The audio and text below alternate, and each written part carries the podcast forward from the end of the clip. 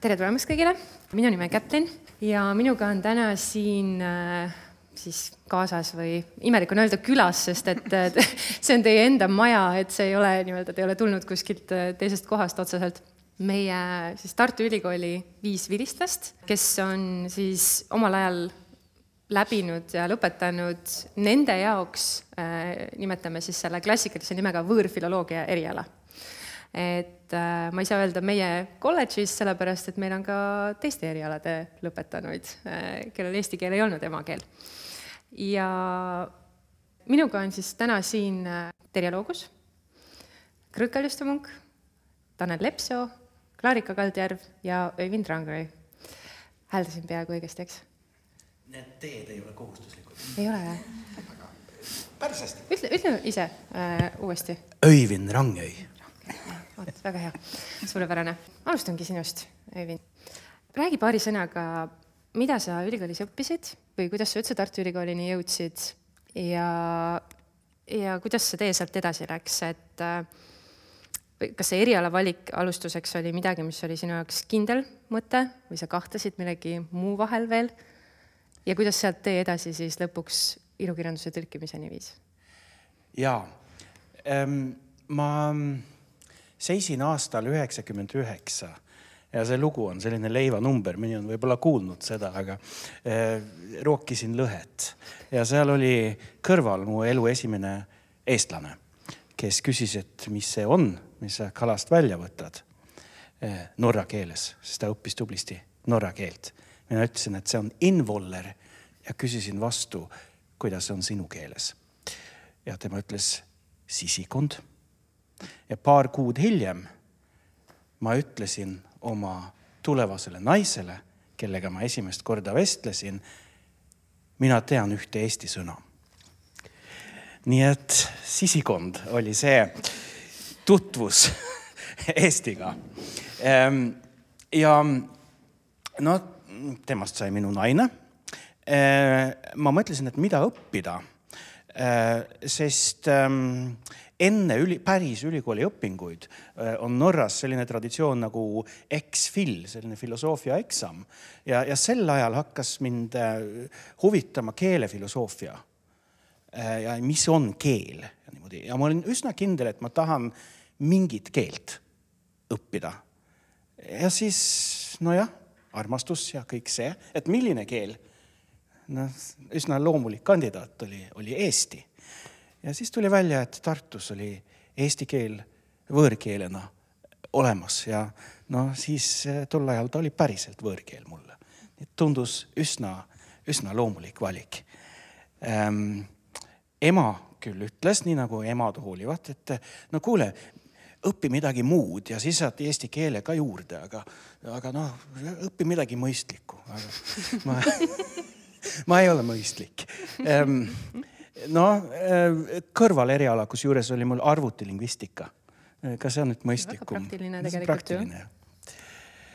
ja kuidas see viis mind äh, ilukirjanduse tõlkimiseni, oli no ütleme neli-viis aastat edasi küsiti, et kas, ähm, kas sa tõlgiksid Kristiina Ehini luuletusi ma olin siis tegelikult tõlkimisega juba katsetanud natuke, aga mm -hmm. midagi polnud avaldatud, aga siis oli nagu äh, nagu päris tööots ja ma mõtlesin, et ma ei oska, sest ma tegelikult luule pole min, minu rida. siis ma pidin luulega tutvuma, sest ma ei suutnud ka ära öelda, sest kes siis veel teeb, kui, mis on minu eriala ja, ja nõnda algas nii-öelda minu ilukirjanduslik tõlkekarjäär, aga ühtlasi ka sain tegelikult selle kaudu luuletajaks mm. -hmm. ja sul pal-, paluti siis tõlkida, eks ole, eesti keelest norra keelde või? Eesti keelest norra keelde, jah ja. Mm -hmm. ja, ja siis ma pidin aru saama, mis asi on luuletus sellega seoses. tõlkimise kaudu luuletajaks, see on väga huvitav mm.. nii et mm -hmm. jah, ja mu esimene äh, luuletus enda luuletus oli lõhe rokkimisest. Jah, sul on isegi see sisikonna pealkirjaga luulekogu ju täiesti olemas, mida saab, mida saab äh, muuseas laenutada ka kolledži raamatukogust, kui keda, kellelegi pakub huvi. Ehm, ilukirjanduse tõlkimine on ilmtingimata loominguline töö, et äh, kuidas saada teada, kas tõlkimine sobib mulle või, või kuidas sina selle teadmuseni jõudsid, et see on nüüd see asi, millega ma kindlasti tegelema hakkan või millega ma jään tegelema ähm,? ma tahtsin ju äh, midagi mõistlikku teha selle nii-öelda ebamõistliku erialaga nagu ähm, ja ähm, üks eeskuju oli olemas, see Tüürit Farbregd Soomes, kes on hästi palju Eesti kirjandust äh, vahendanud Norrasse. Ähm, tundus, et äh, ei ole palju neid, kes, kes seda teeks. Äh, ja tundub kuidagi tingimata vajalik. aga kas see sobib mulle, on mhm. muidugi eraldi küsimus ähm, ma arvan, et, et see loomingulisus, mida on vaja selles töös, enne kui ma, kui ma kujutasin ette, et ma võiksin ise päriselt midagi luua, ma ei olnud veel avastatud, avastanud seda, seda särtsu, seda jõudu mm. -hmm. aga ma arvan, et, et jah, et see oli see rõõm sellest äh, Eh, loomingulisusest, mis on ühtlasi kindlates raamides mm. -hmm. et, et nagu ühest küljest on, eh, on, on väga vaba eh, selline fantaasiarikas töö, aga samas väga kindlates raamides mm. -hmm. et see on selline huvitav pinge, mis sobis mulle ma küsiks kohe ka teistelt, et kes tunnevad, et nad mõtlevad tagasi nii-öelda oma selle hetke peale, et, et kas oli mingi selline kindel äh, kindel moment või, või mingi, tõesti mingi hetk, kus saabus see teadmus, et, et jah, see on see asi, millega ma jään tegelema. Vaatan siin näiteks Terje või, või Klaarika poole.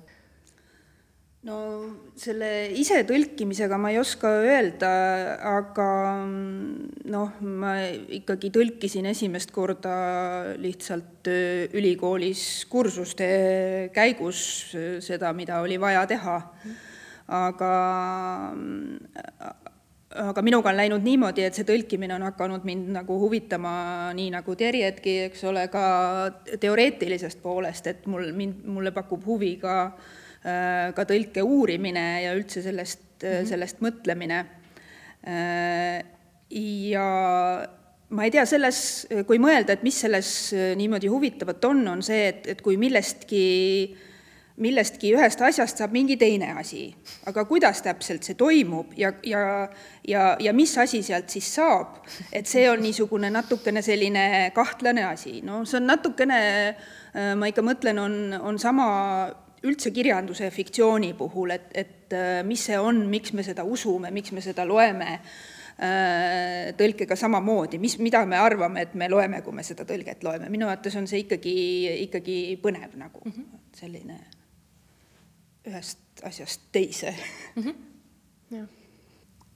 ja ei, ma olen ka nõus. et äh, kui sa küsisid nagu seda, et kuna see äratundmine tuli just ilukirjanduse osas, siis mina olen hästi hiline ärkaja, sellepärast et mina, mina lõpetasin saksa filoloogia ja tegelikult juba õpingute ajal ja pärast õpinguid ma hakkasin igasuguseid ärikirju ja selliseid asju tõlkima, et see oli niisugune uue aja algus ja tohutult palju oli igasugust äh, business'it ja sinna siis kaasetiga oli vajalik tõlkida. aga ilukirjanduse vastu ma tundsin tegelikult hästi suurt aukartust.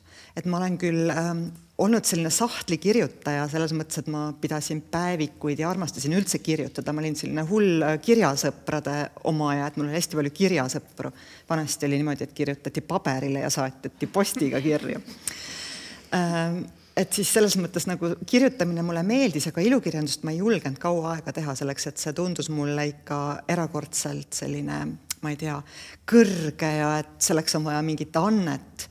aga äh, Tartus on selline tore asi nagu Prima Vista kirjandusfestival ja see oli aastal kaks tuhat seitse, kui äh, toimus äh, seal Kersti Undi tehtud ilukirjanduse töötuba ja ma käisin seal ja ja tegin äh, seal ühe töötoa läbi ja siis ma vaatasin, vau, et tegelikult see on jube huvitav ja see ei olegi nii hirmus. ja siis, kui tagasiside oli ka veel nagu päris hea, siis ma mõtlesin, et okei okay,, proovime.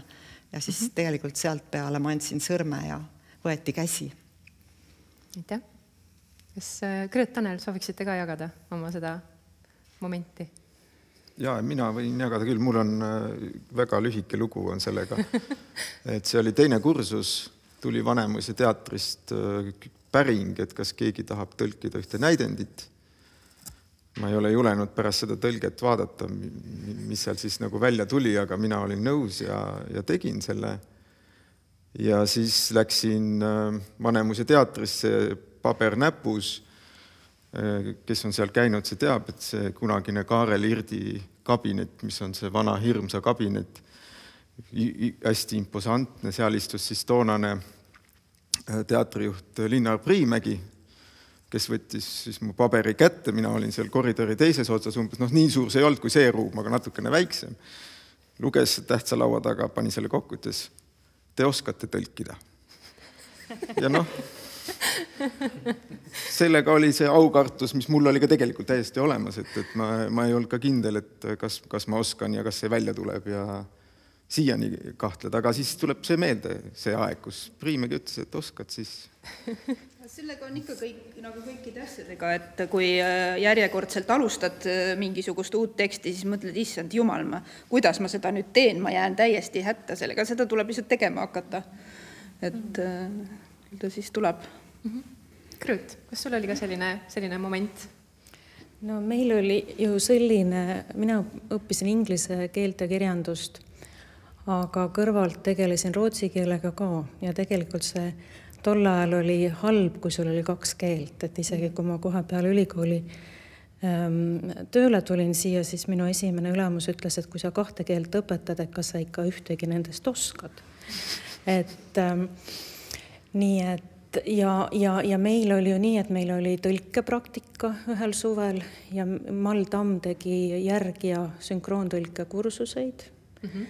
Ja õpetajakoolitus ja, ja lihtsalt, et me ja, ja kuna siis hakkas, hakkas aeg ähm, noh, Eesti hakkas avanema, siis oli kohutavalt palju äkki vaja neid inimesi, kes Tartus rootsi keelt oskavad. nii et, et siis sai kõiki neid suulisi ja kirjalikke tõlkeid proovitud. ja minu esimese raamatu ma sain ka ühe rootslase käest, kellega ma niimoodi kokku äh, sattusin ja hakkasin seda tõlkima ja, ja võib-olla haruldasem on või haruldane on selle juures see, et ma ka isegi Rootsis otsisin selle kirjaniku üles ja, ja suhtlesin temaga. ja, ja see raamat ilmus Loomingu Raamatukogus, kui ma olin viiendal kursusel, viienda kursuse sügisel, aga ilmus sellepärast, et ma olin tol ajal Eesti Naisüliõpilasseltsis ja üheks vilistuseks oli Anu Saluäär, kes niimoodi juhuslikus vestluses kuulnud, et ma tõlgin ühe väga noore kirjaniku teost, võttis selle siis kohe rõõmuga vastu ja andis selle välja.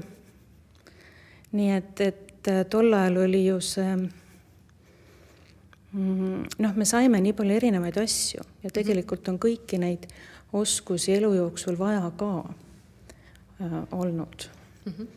aga nüüd tagantjärgi ma olen noh, et siis ma sattusin taani keele juurde sellepärast, et, et inglise Äh, keeleinimesed ütlesid, et ma ei tea, et sa flirdid väga palju rootsi keelega ja rootsi keele inimesed ütlesid, et noh, ma ei tea, et sa oled sama, noh, et sa oled tegelikult ju inglise filoloog. nii et, et selle peale mu taani keele esimene taani lektor, kes meil siin oli, ütles, et ära muretse, Krõõt, et me saadame sind Taani õppima. nii et ma sattusin sinna ja tegelikult praegu ma tõlgin äh, valdavalt taani keelest ilukirjandust lihtsalt sellepärast, et taani keele tõlkeid on nii vähe. -hmm. jah aitäh. Ähm, ma tulen sinu juurde tagasi, äh, kuna sa juba mainisid siin, et sa tõlgid ja luuletad ja võib-olla neid žanreid, millega sa kokku puutunud oled, on mitmeid.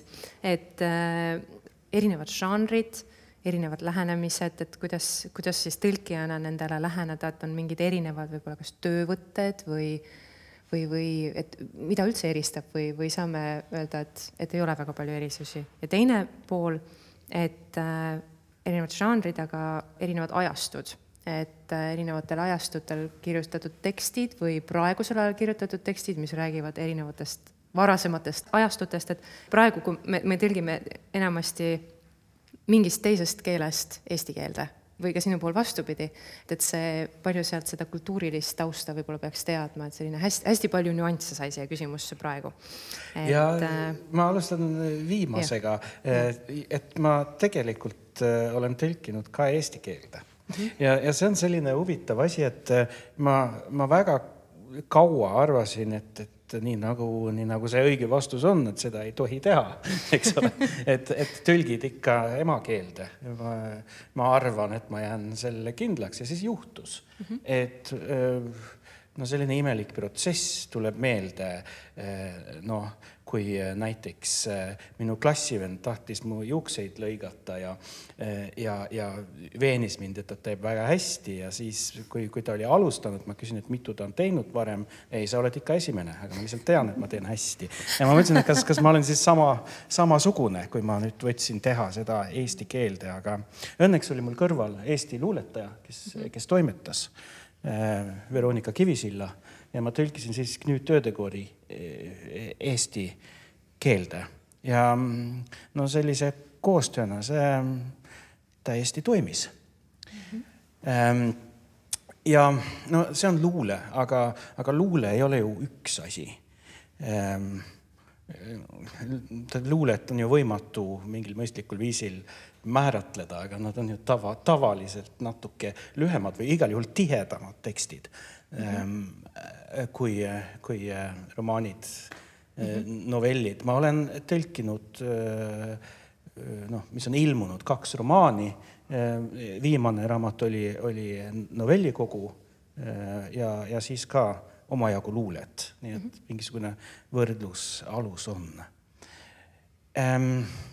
on sul olnud ka mõni selline luule tõlkimine, et kus sa tunned, et sa pead äh, hakkama tegema mingit noh, taustauuringut enne eh, nii-öelda mingi teema puhul, et noh, ma ei tea, kui, kui me tõlgime ajaloolist eh, romaani näiteks, et siis on nagu ilmselge, et me peame midagi teadma sellest ajastust, mingeid fakte ja nii edasi, et aga luule puhul, et kas sa oled ka kohanud mingit sellist mm,? ma arvan, et ähm, äh, kui ma, kui ma töötan tekstiga, olgu see luule või, või mingi muu žanr, siis igal juhul on, on mitu, mitu ringi, need on sellised hermeneutilised ringid. et tõlkimine on iseenesest väga selline sügav lugemine ja selline halastamatu lugemine, sest sa ei saa, tavaliselt kui sa loed, ei, sa ei saa aru ja sa loed edasi, on ju. aga kui tõlgid, siis sa pead midagi tegema sellega. et mis sa siis teed ja noh kui on äh, viies või kuues ring, siis äh, võib-olla ma saan aru, et siin, no see ei saa juhuslik olla. aga ma, ma, ma pean tegema nagu mingisuguse hüpoteesi, et mis, miks see nii on ja siis ma avastan midagi uut mm, -hmm. millest ma, ma kohe aru ei saanud mm. -hmm. nii et jah, see on, on ka uurimistöö mm. -hmm. aga teine asi on see, et ähm, tekstidel on äh, erinevad funktsioonid muidugi, aga neil on erinevad hääled. Äh, ma mõtlen, et, et äh, tekstide vahel, aga ka tekstisiseselt on, on erinevad hääled, erinevad perspektiivid ja sellest ma olen saanud palju teadlikumaks aastate jooksul, et kui, kas see hääl üldse ütleks sellist asja mm. -hmm. ja see seab kindlaid piiranguid tõlkele, nagu näiteks see, et kas sa saad lisada selgitusi, et lugeja saaks aru asjadest, mis on kuidagi seotud lähtekultuuri või keeleruumiga mm. -hmm. kui on selline kõike teadev jutustaja, siis võib-olla ei ole probleem mm. -hmm. aga jälle, kui on inimene räägib seal ja sa lisad midagi, siis on äärmiselt imelik. nii et teadlikkus, et kes räägib, kas ta ütleks sellist asja. jah, Trõõt noogutab hästi aktiivselt, mul on tunne, et sul on midagi, mida sa tahaksid jagada ei, ma ei tea, ma mõtlesin siin selle peale, et, et, et äh, kui ma hakkasin tõlkima, siis ju internetti ei olnud. et nii palju, kui sul raamat, sõnaraamatus oli või nii palju, kui sa kellegi käest küsisid. aga nüüd on ju nii, et kui sa siis äkki ei leia midagi internetist ka, et noh, et, et mõnikord veab ja sa, sa saad kirjutada kirjanikule, küsida, et noh, et mul on siin kaks sõna või väljendit, et mm, -hmm. et, et no kuidagi ei leia kuskilt.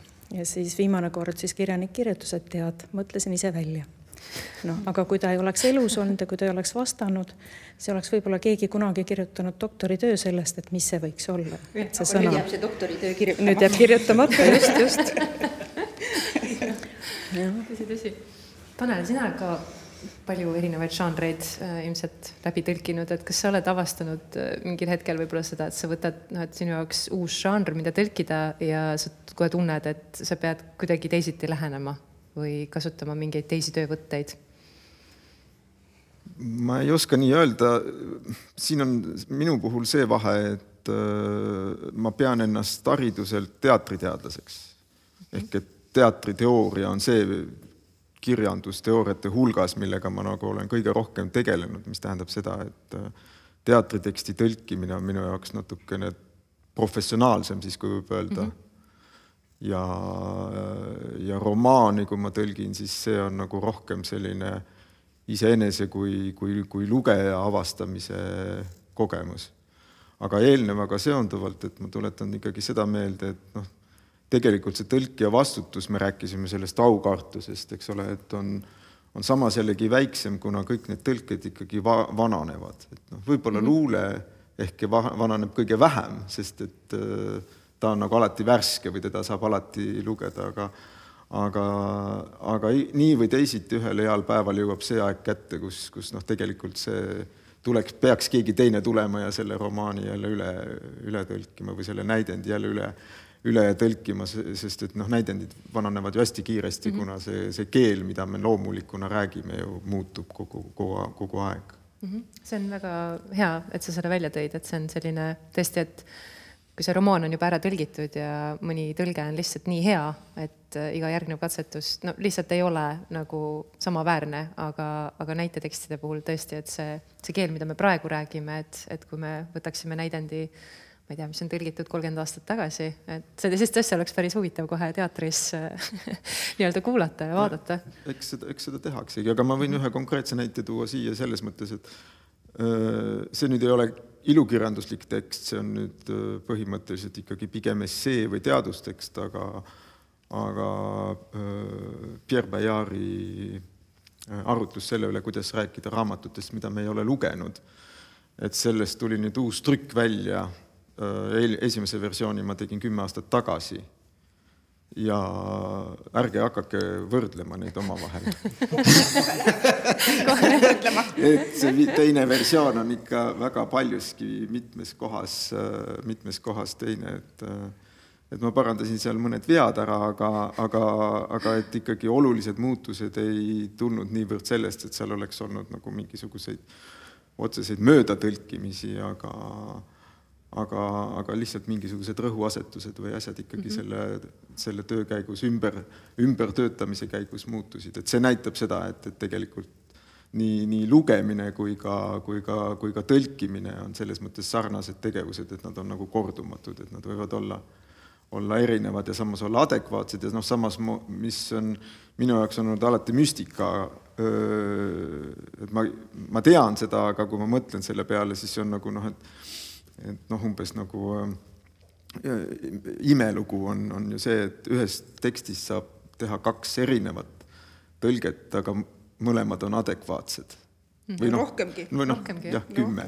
Äh, aga noh, et, et rohkem kui üks mm.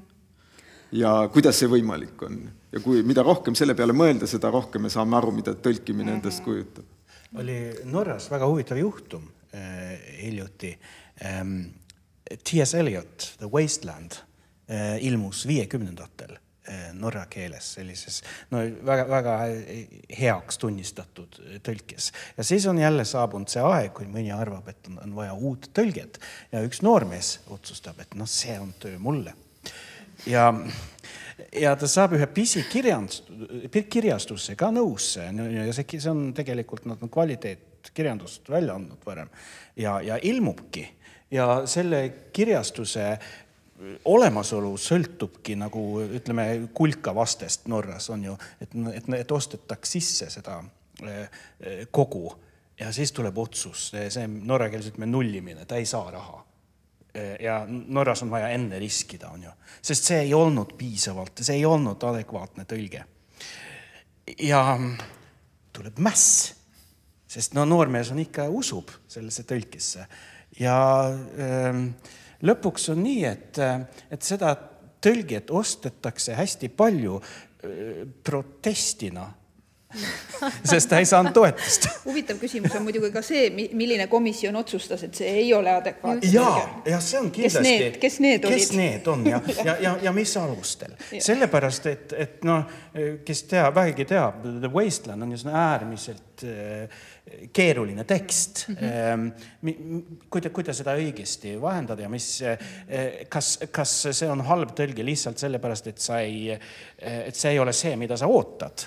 Eh, on see sellepärast, et sa, sa tahad, et see keel jääks sinna mingisse varasemasse aega või, või, või milles täpselt on, on probleem. ja siis on muidugi see jälle see stiilitunnetus ja, ja, ja anne, kõik need asjad, mida on, on äärmiselt raske kuidagi määratleda. aga sellest sõltub äh, rahastus eks ole et keegi ikkagi. seda ikkagi määratleks kuskil. tuletame meelde, et esiteks äh, tõlkimine on alati lubatud. Selleks ei pea üldse kellegi luba küsima, et tõlkida. avaldamiseks on vaja ja. autori nõusolekut, tõlkimiseks ei ole vaja. ja teine on see, et halva tõlke eest ei saa karistada. vangi ei panda trahvi ei kirjutata. et, et lihtsalt no võime ajaloost võib-olla praegu ei tule pähe, aga võib-olla või mõne võib võib-olla leida ka, kes on ka mingi asja eest vangi läinud, mingisuguse diplomaat, mida iganes ja mingi ja, diplomaatilise teksti valesti tõlkinud. jah, jah, seda küll. sõda on algatat-, algatatud arvan, selle alusel. pannakse vanglasse halva ilukirjandusliku tõlke eest, siis võib-olla mitte riikides, millega me tahame end võrrelda. aga Lähme sinna täna lähe selle vestluse. ei, ma arvan, et kindlasti mitte, mitte halva selles mõttes. grammatiliselt või lingvistiliselt. võib-olla, võib-olla mingil poliitilisel põhjusel mm, mingi eksimuse, mingi, aga öelda öelda, et see on halb tõlge, ma karistan sind kakssada eurot, saad trahvi, et sa oled nii halvasti käitunud, et seda, seda, seda ei ole, selles mõttes ei, ei maksa jah karta halvasti tõlkida. aga mul on veel üks, ütleme selle tõlkiga seotud nii-öelda e, kutse, et ma olen vandetõlk. Ja siis võib isegi karistust yeah. saada, kui sa, eh, sest siis on ju see mõnes mõttes võltsimine, kui sa, kui sa ei tõlgi õigesti. jah, aga, aga. aga see ei ole ilukirjandus. see ei ole ilukirjandusest, ma rääkisin halvasti, mitte valesti. seda võib tõlkida õigesti, aga, aga halvasti mm. -hmm. Mm -hmm aitäh selle mõttevahetuse eest Läks juba väga sügavaks. Äh, tuleme tagasi äh, äh, nende alglugude juurde. Terje, räägi veidi sellest, mida sina õppisid ülikoolis, sa juba korra mainisid, aga et kas see oli sinu esimene valik, kuidas sa selleni jõudsid ja kuidas täpselt sealt mis oli see siis see vahepealne periood, mis sa ütlesid, sa oled selline hiline mm, -hmm. hiline ilukirjanduse juurde jõudja, et mis seal enne vahepeal oli? ja et saksa, äh, saksa filoloogiat ma tegelikult tahtsin kohe minna õppima, kuigi mu klassijuhataja soovitas mulle psühholoogiat, aga see mind ei huvitanud ja ma ise tegelikult tahtsin diplomaadiks saada, aga see oli juba pärast saksa filoloogia lõpetamist. aga takistuseks sai see, et ma ülikoolis õppisin liiga vähe prantsuse keelt mm., nii et äh, siis minust diplomaati ei saanud. aga ähm, jah, tähendab, nii nagu ma enne ütlesin, et selliseid nagu väiksemaid tõlkeotsi ma tegin kogu aeg juba äh, pärast õpingute lõppu. Aga et siis ma jah, natukene rändasin mööda ilma ringi ja, ja elasin mujal ja tegin igasuguseid muid töid, enne kui ma siis tulin uuesti Eestisse tagasi ja tegin kirjaliku tõlke magistri. ja pärast seda kuidagi läks nagu see asi juba loomulikku teed, et siis ma sattusin veel Saksamaale doktoriõppesse, aga sealt tagasi tulles äh, siis nagu öeldud, ma leidsin selle julguse endas, et hakata ilukirjandust proovima. ja Ähm, mis ma ütlen, et see ilukirjandus, ma praegu ütlen, et, et see on nagu mul selline lemmikhobi. et äh, elu ei, ei võimalda ainult tegeleda ilukirjandusega, aga et see on niisugune mõnus meelelahutus, teinekord tuled õhtul koju, sa oled tõesti täiesti väsinud, sa ei viitsi mitte midagi teha, siis võtad lahti selle faili ja tõlgid natukene ja siis kohe niisugune hea hakkab ja oled endaga rahul ja kõik on nii ilus ja, ja et selline tõesti, ma ütlen, et niisugune meelistalvine hobi on tõlkimine praegu minu jaoks mm. -hmm.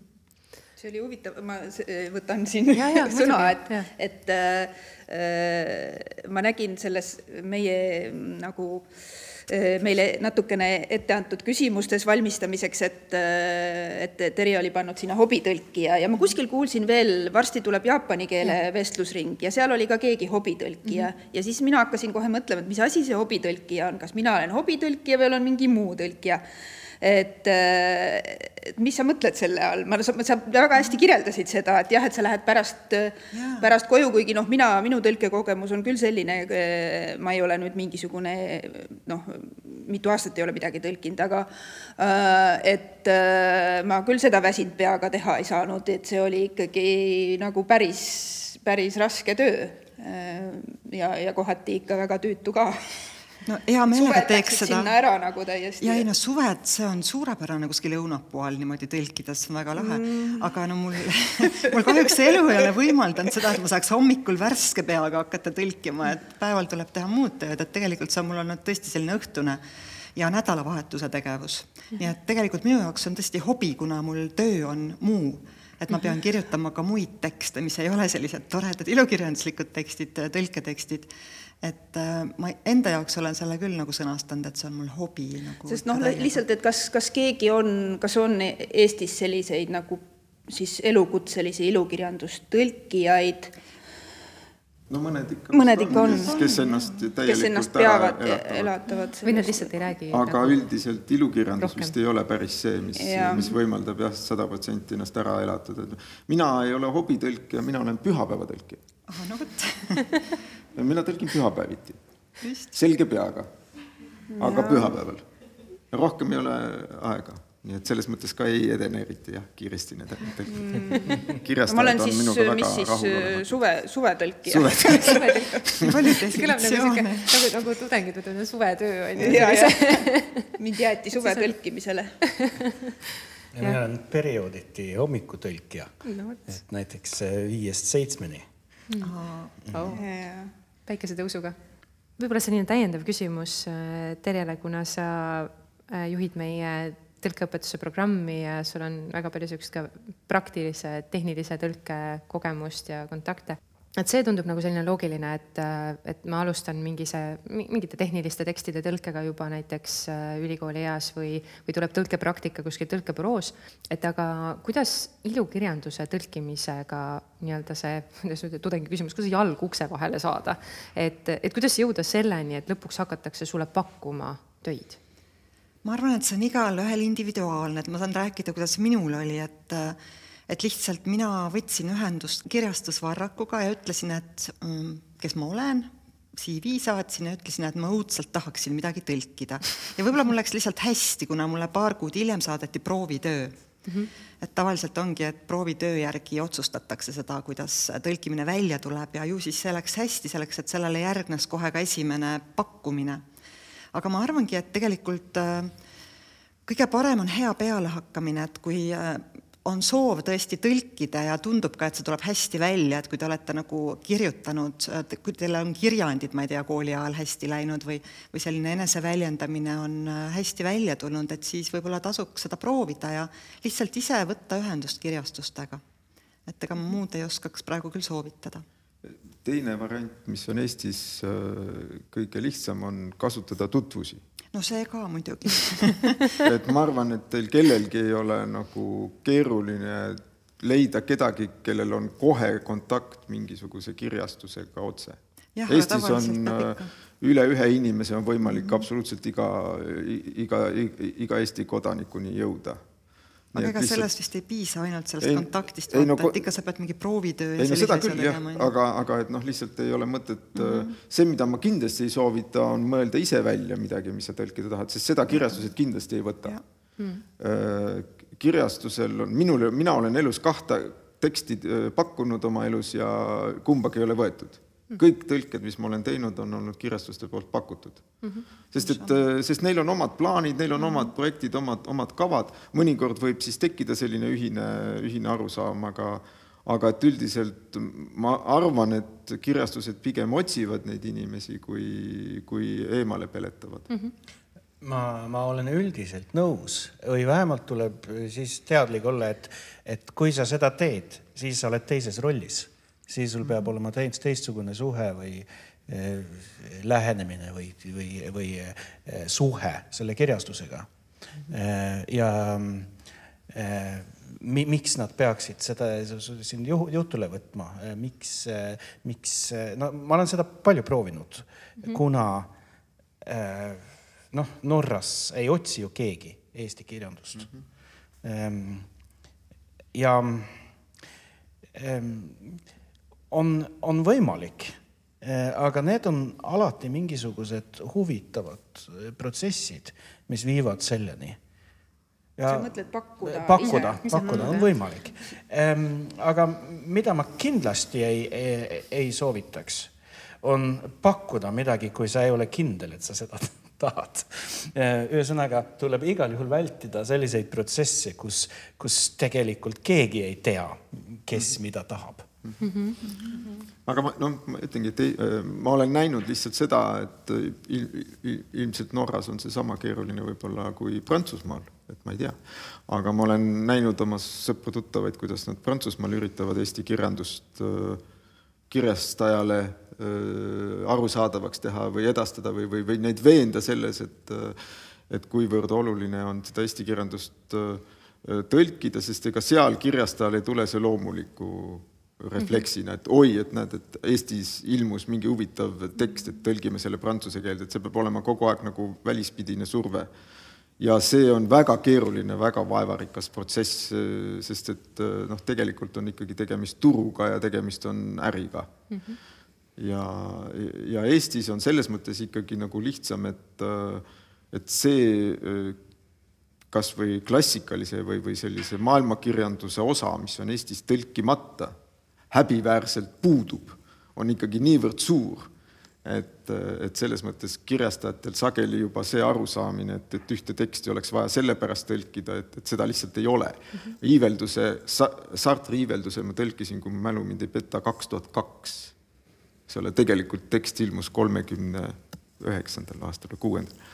et, et ikkagi palju, jah ja samas ei saa öelda Sartri kohta, et oleks nagu kuidagi tundmatu, tundmatu nimi siin kirjandustaevas, et lihtsalt, lihtsalt need, need, need mhm. puudu, puudujäägid on, on, on, on suured. samas tõlkisin ma ka sellise teksti nagu Camus Õnneliku surma, mida Camus üldse ei tahtnud, et keegi seda üldse avaldaks, rääkimata selle tõlkimisest mm aga kuna kõik Camus oli juba ära tõlgitud, ei olnud enam mitte midagi tõlkida, kui see üks postuumne tekst veel. aga siis, siis ka kirjastaja hirmsasti ikka tahtis, et see oleks see viimane tilk. aga müür pööras hauas ümber selle peale yeah Eestis tegelikult ikkagi on äh, natuke seda võimalust või on äh, tõlkijad, et tõlkijad pakuvad tegelikult, noh, ütleme, sul peab mingi nimi olema mm, -hmm. jah, aga et, et, et Eesti traditsioonis on ikka olnud, et äh, tõlkijad on ka need vahendajad mm, -hmm. ütleme, et tõlkija on see, kes, kes tunneb seda kultuuri ja, ja pakub siis selle välja ja tutvustab ja, ja toob seda.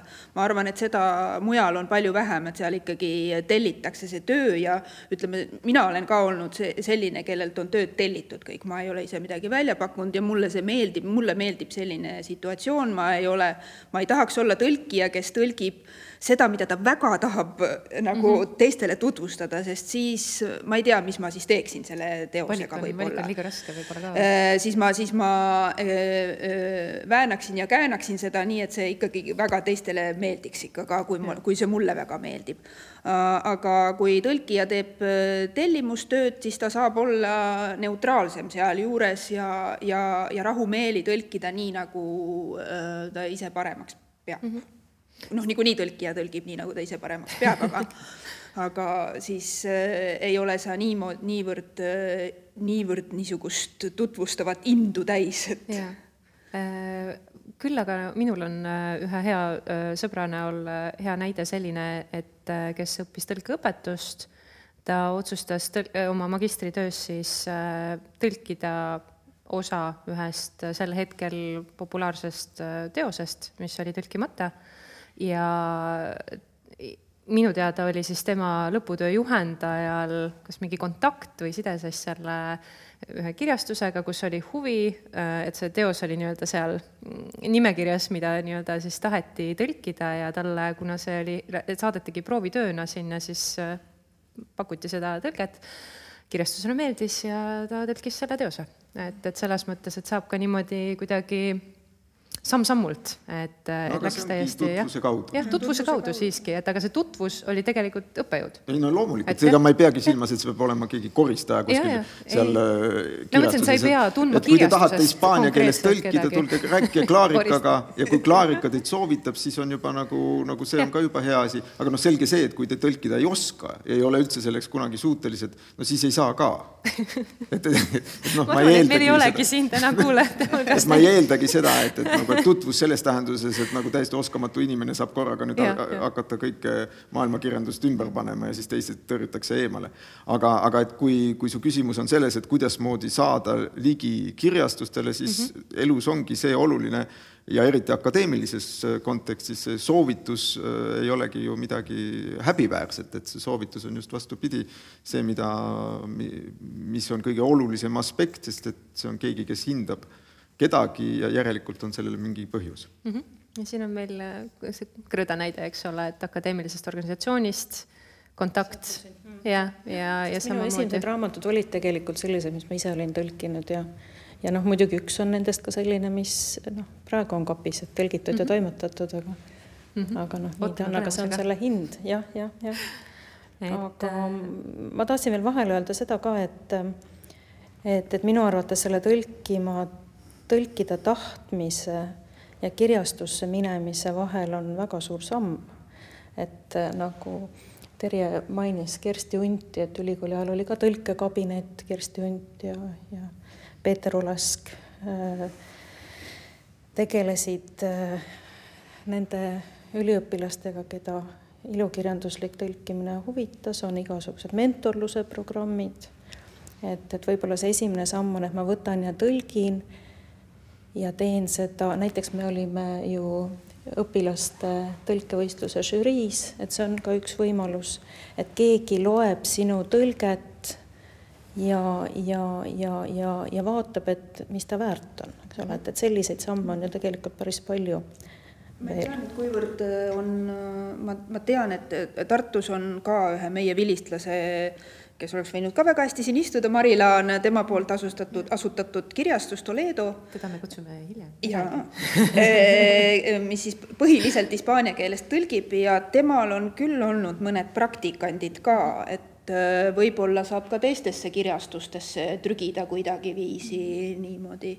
et mul puudub ausalt öeldes kogemus sellega aga kui aga... küsija ei paku ja, ennast praktikale, siis kindlasti ja, ei saa. et seda tõesti ei maksa ootama jääda, et äh, kuskil tõlkebüroo kodulehel oleks teade, et ootame praktikante, et äh, või, või kirjastuse kodulehel, et tõlkebürool isegi võib olla. aga, aga kirjastusel kindlasti ei ole, et äh, ootaks, ootame proovitöid või, või, või praktikante mingisse kohta, et seda peab täitsa ise julgelt pakkuma ja mina soovitan ma... ka ja teine asi, mida Krõõt ütles, et kui on mingisuguseid nagu soovitusi selles mõttes, et on läinud kuskil võistlusel hästi, et siis seda kindlasti sinna äh, kirja kirjutada, et näiteks ma olen läbinud mingisuguseid tõlkekursusi või ma olen osalenud tõlkevõistlusel ja saanud võib-olla, ma ei tea, kolmanda koha, et need on ka kindlasti head asjad, mida mm -hmm. mainida. Yeah.. mina väga vabandan, et ma pean nüüd äh, lahkuma, et äh, hea meelega vestleks teiega edasi edasi järgmise vestluse juurde tihe graafik, nõutud, nõutud esineja just, just. aitäh, Öivind. meie peame siit koju minema. teeme Öivindile vahepeal väikse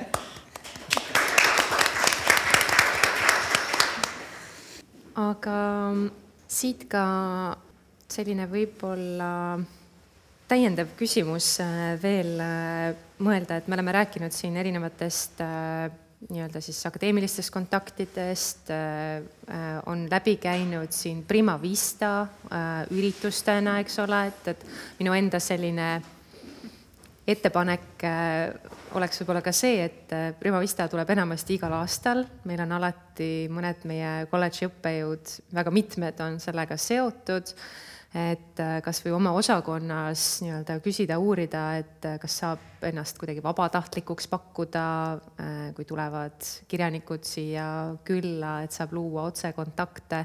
et kas peale Prima Vista on veel midagi, mõni selline ürituste sari, mis Tartus regulaarselt toimub, millel võiks silma peal hoida ja saada nii-öelda sellesse õigesse ringkonda, et oma seda kontaktibaasi suurendada no eks on need, äh, PÖFF on osaliselt siin, äh, ma olen ka kunagi film, filmi äh, subtiitreid olen tõlkinud küll mm -hmm. paar korda, noh, arvata võib, et neil on inimesed olemas, aga noh, alati kaob neid inimesi ka ära mingil põhjusel, et et see on,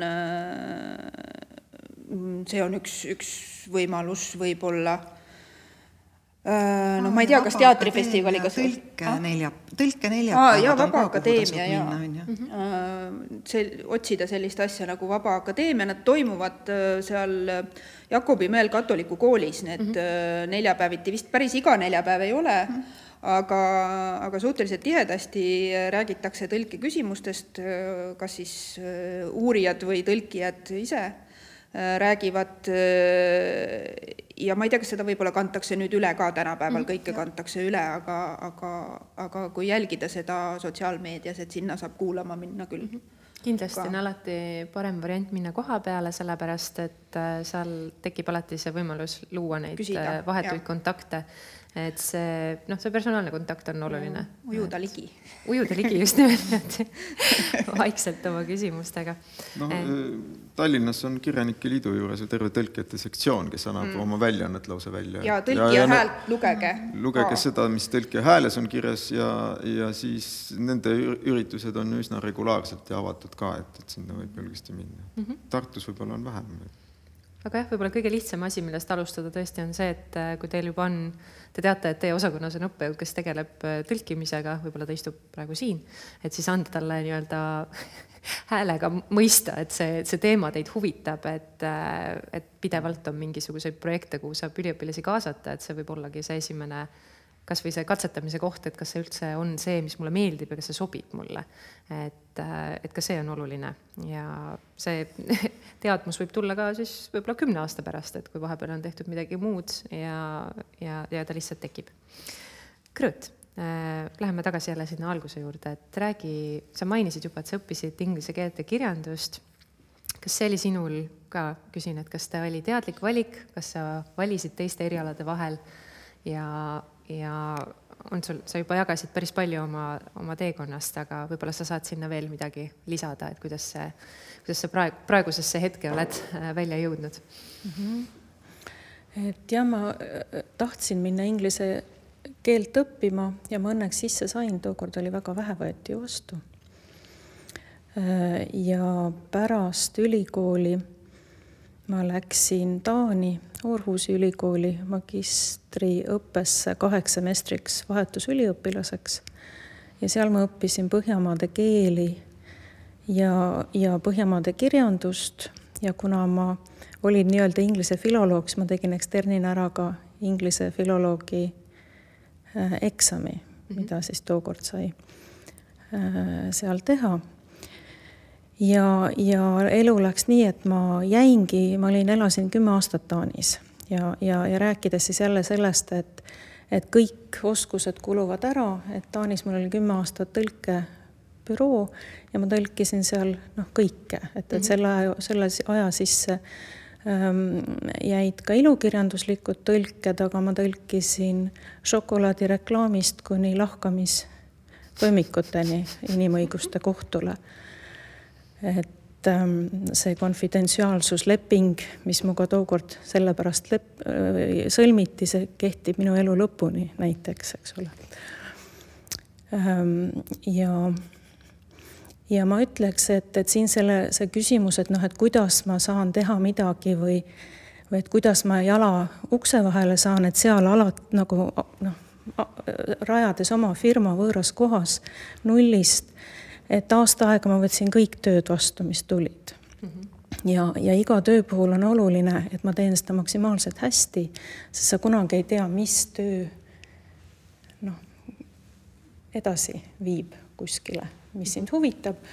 ja võib-olla siin ma tooks välja veel ühe aspekti, et kui me tõlget hindame või kui seda tasustatakse, siis seda tehakse väga sageli tähemärkides või sõnade arvus. et mhm. tegelikult palju olulisem on aeg. kui kaua mul läheb selle asja tõlkimiseks aega mm. -hmm.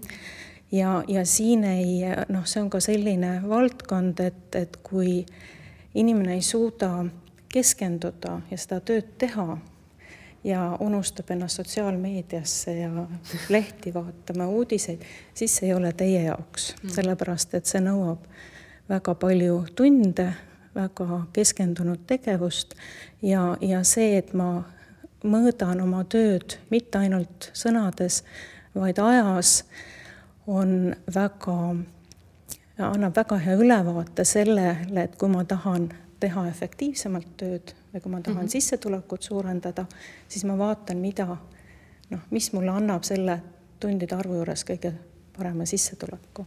kui, äh, kui, kui pikaks sa ise hindad seda perioodi, et äh, noh, ilmselgelt alustaja tõlkijal võtab kõik rohkem aega mm. ja praegu meil on olemas näiteks tõlkeabiprogrammid, mida ma ei tea, kas ilukirjanduse puhul saab kasutada nii ja naa, Terje no mina ei kasutaks et, äh, et aga tehnilise tõlke puhul küll, eks ole, et selles oh, mõttes. tavaline. et, et on igasugused nii-öelda ka juba tehnilised toed, mis aitavad aega teatud tõlgete puhul säästa.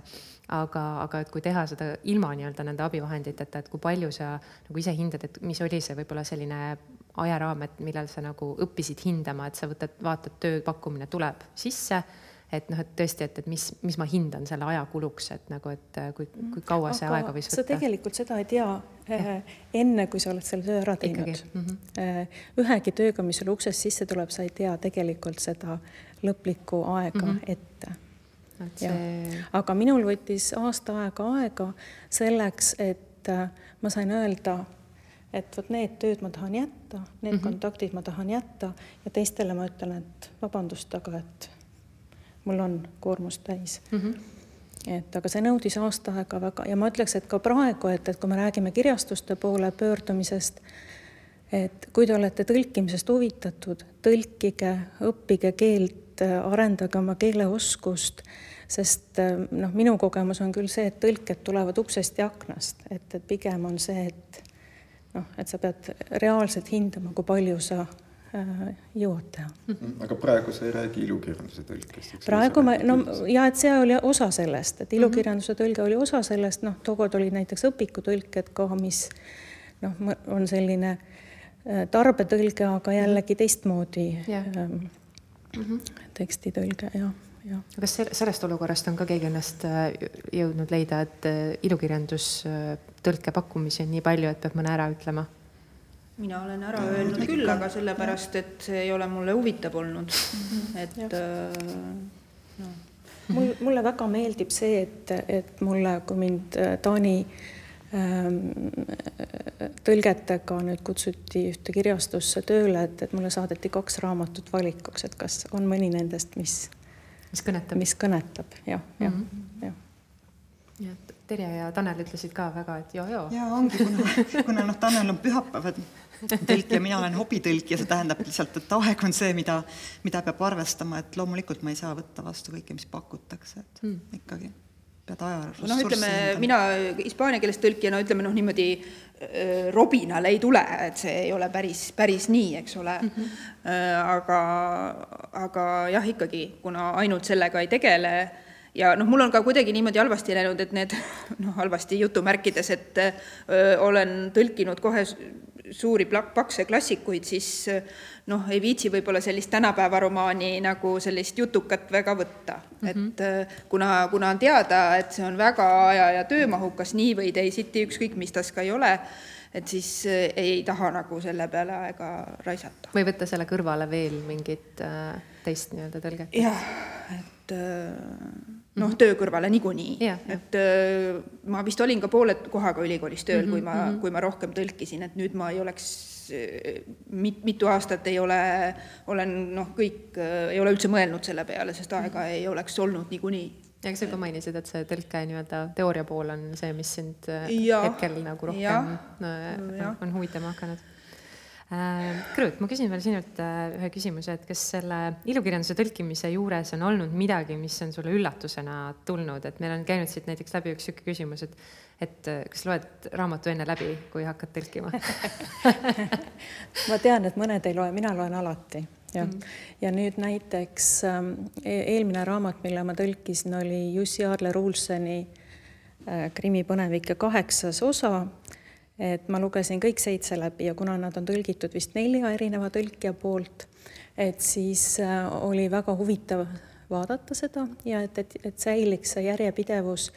ütleme, et seal on ju samad tegelased ja keelepruuk mm. ja et siis äh, ma tegin päris korralikku eeltööd, aga nüüd tänu sellele, et äh, ma nüüd kaheksanda sain läbi töötatud, siis ma küsisin, et aga et, et, et kas teil üheksanda jaoks on juba keegi leitud, kuna ma olen selle eeltöö ära teinud ja ühe, nüüd teen üheksandat mm, -hmm. jah et selline ähm, proaktiivsus, et, äh, et kui töö on tõlkimisele ära esitatud, et siis võib kohe ise ka küsida, et kas on teil mulle veel midagi anda kohe no. väga hea, kuidas teistel, ma tean, Terje? no mina ei tohiks üldse midagi öelda selleks, et ma teen nii, nagu ei tohi teha, ehk mina hakkan kohe tõlkima no on olnud, kui on tõesti tegemist pika raamatuga, et siin kõige pikem oli, ma ei tea, ka mingi alla viiesaja, siis ma tõesti, mul ei olnud nagu püsivust seda täiesti läbi lugeda, ma olin loomulikult sisuga kursis, ma olin nagu lugenud äh, retsensioone ja nii edasi, aga ma ei olnud seda täielikult läbi lugenud. et ühest küljest mul on nagu põnev, et kui ma tõlgin, et siis ma nagu loen ja avastan seda raamatut samal ajal, kui ma tõlgin aga ma olin umbes niimoodi, et üks peatükk olin ees lugemisega ja siis läksin tõlkimisega järgi mm. -hmm et ikka põnev, minu arvates põnev peab olema mm, -hmm, et jah. Äh, kui no ma, ma nagu, kui nagu ma ütlesin, ma olen tõlkinud niisugusi suhteliselt äh, tuntud maailmakirjanduse teoseid, et noh äh,, nendest üht koma teist ikka tead äh,, aga äh, või oled vähemalt osaliselt äh, kunagi, kunagi lugenud. aga et hakata seda veel enne tõlkimist äh, niimoodi läbi vaatama ja siis mõtlema lugemise käigus, issand, kuidas ma seda kohta nüüd teen ja no see muudaks selle protsessi niivõrd tüütuks kuidagi mm -hmm. minu ja minu isiklikult minu jaoks, et, et ma lähen ikka kohe äh, järjest kallale, aga, aga selles mõttes jällegi selliste teostega äh, on äh, väga palju materjali, mis on nendest kirjutatud, ühesõnaga seda äh, tau-, äh, saate ja taustamaterjali on, on hästi palju ja sellega mulle meeldib küll tegeleda mm. -hmm. mulle ei meeldi vaadata teisi tõlkeid, see teistesse keeltesse, see ei ole minu asi, igaüks teeb nii, nagu tahab, aga et äh, ma loen küll ikkagi noh, ma olen ka muidugi teinud järelsõnasid ja saatesõnasid mm, -hmm Äh, ja siis ikkagi äh, äh, loed põhjalikult, mis selle te-, autori kohta on öeldud, kuidas on analüüsitud tema stiili või, või mingisugust keelt või et, et seda, seda küll, et mis mhm. võiksid olla olulised momendid, mida ei, ei, ei tohiks maha magada ja niimoodi mm. -hmm. Tanel, kuidas sinul? mina ka ei loe, et mul on üks tuttav, kes, kes tõlgib niiviisi, et ta tõlgib lause ära ja siis ongi kõik. ja kui tal on jõudnud viimase lauseni, siis on tal raamat tõlgitud ja saadab selle ära. et mina, minu tõlkimine on selline, et ma, ma arvan, ma loen kümme korda vähemalt, kui mitte rohkem, sedasama teksti üle. ja, ja see tähendab seda, et ei ole mingit, mingit mõtet mul teda veel enne yeah., enne seal läbi lugeda, et ma sedasama tõlget loen kümme korda et üldiselt ühel konverentsil meil oli seesama küsimus ja siis seal ka tegelikult ikkagi enamik tõlkijaid tunnistasid, et nad kui, kui nad ei ole, ei ole seda varem lugenud, siis nad ei viitsi seda ka enne mm., enne tõlkimist. sest see niikuinii ju läheb, pärast see läheb nagu, toimetajale, siis üle. tuleb uuesti see tagasi, siis läheb uuesti toimetajale, see tuleb jälle tagasi. Äh, mul on olnud ka, kui toimetamisest rääkida, mul on äh, mitu korda väga vedanud niimoodi, et kirjastus on võtnud asja tõsiselt ja on olnud kaks toimetajat, üks on siis see võõrkeele sisutoimetaja ja siis on veel eesti keele toimetaja ka. Mm.. ja siis see, noh, see tekst käib edasi-tagasi kordi ja kordi. Ja, ja sa noh, sul see virvendab kõik see silme ees, nii et noh, milleks jah. kui ma Sartrit tõlkisin, siis ma vist tõlkisin isegi öö, rohkem, kui ma lugesin tähendab seda, et ma olin lausega ees teinekord, ma avastasin, et ma olin juba selle, selle lause osa ära tõlkinud, mida ma ei olnud veel jõudnud lugeda, kes siis mõnikord läks viltu. Ei no nagu, viltu läheb tõlki... ka. ei no selles mõttes viltu, et ma olin juba tõlkinud midagi, mida seal üldse kirjas ei olnud, sellepärast et originaalis oli midagi muud, aga ma, mina tõlkisin midagi muud, sest ma noh, ma nagu ma arvasin, et ta läheb sinna, ei läinud iga, mõnikord läks täppi ka juhtus ka siis seda, et sul jäi mõni selline omaloominguline lõik sisse, mille sa hiljem avastasid, et seda vist originaalis ei olnud? ei no kõiki asju on juhtunud. igasuguseid jah. asju jääb sisse. jääb sisse ja jääb puudu. jääb sisse, jääb puudu ja kõike. nii et Gröt on, see on lihtsalt sisemine entusiasm tuleb välja. ei no sõltub, ma arvan, et see sõltub žanrist selles mõttes, et tõesti, kui see näide, mis sul oli, et kui Sari, sul on seitse osa mm -hmm. enne kirjutatud, no siis on nagu mõttekas, et et sa tõesti jälgid, et, et noh, et tegelastel oleks samad nimed näiteks või, või et kui nad kasutavad mingisugust, vot see kolme musketäri puhul või see musketäride tsükli puhul mm mind häirib see, et on erinevad tõlked olnud, sellepärast et D'Artagnan vannub ühes romaanis ühtemoodi ja teises romaanis teistmoodi, aga tegelikult nagu nii-öelda selles lähtetekstis on tal ikka sama vandesõna, et, et noh, sellised, sellised väiksed asjad. nojah, aga see on muidugi. on nagu noh, need sellise silumise või ühtlustamise pluss, eks ole. ja kui on erinevad tõlkijad, siis seal tekib omakorda veel see, et kas nad ei ühtlustanud sellepärast, et neile ei meeldinud see, mida eelmine tõlkija oli teinud või, või nad lihtsalt siis ei ole tutvunud, on ju ma arvan, et nad ei ole tutvunud. ei ole tutvunud ja noh, see on ka teatud mõttes mm -hmm. võib ka öelda, et see on lugeja mure, et see ei ole nagu mm, -hmm. me ka, äh, siin üks, üks tõlki, tõlkeprojekt, mis on meil siin õhus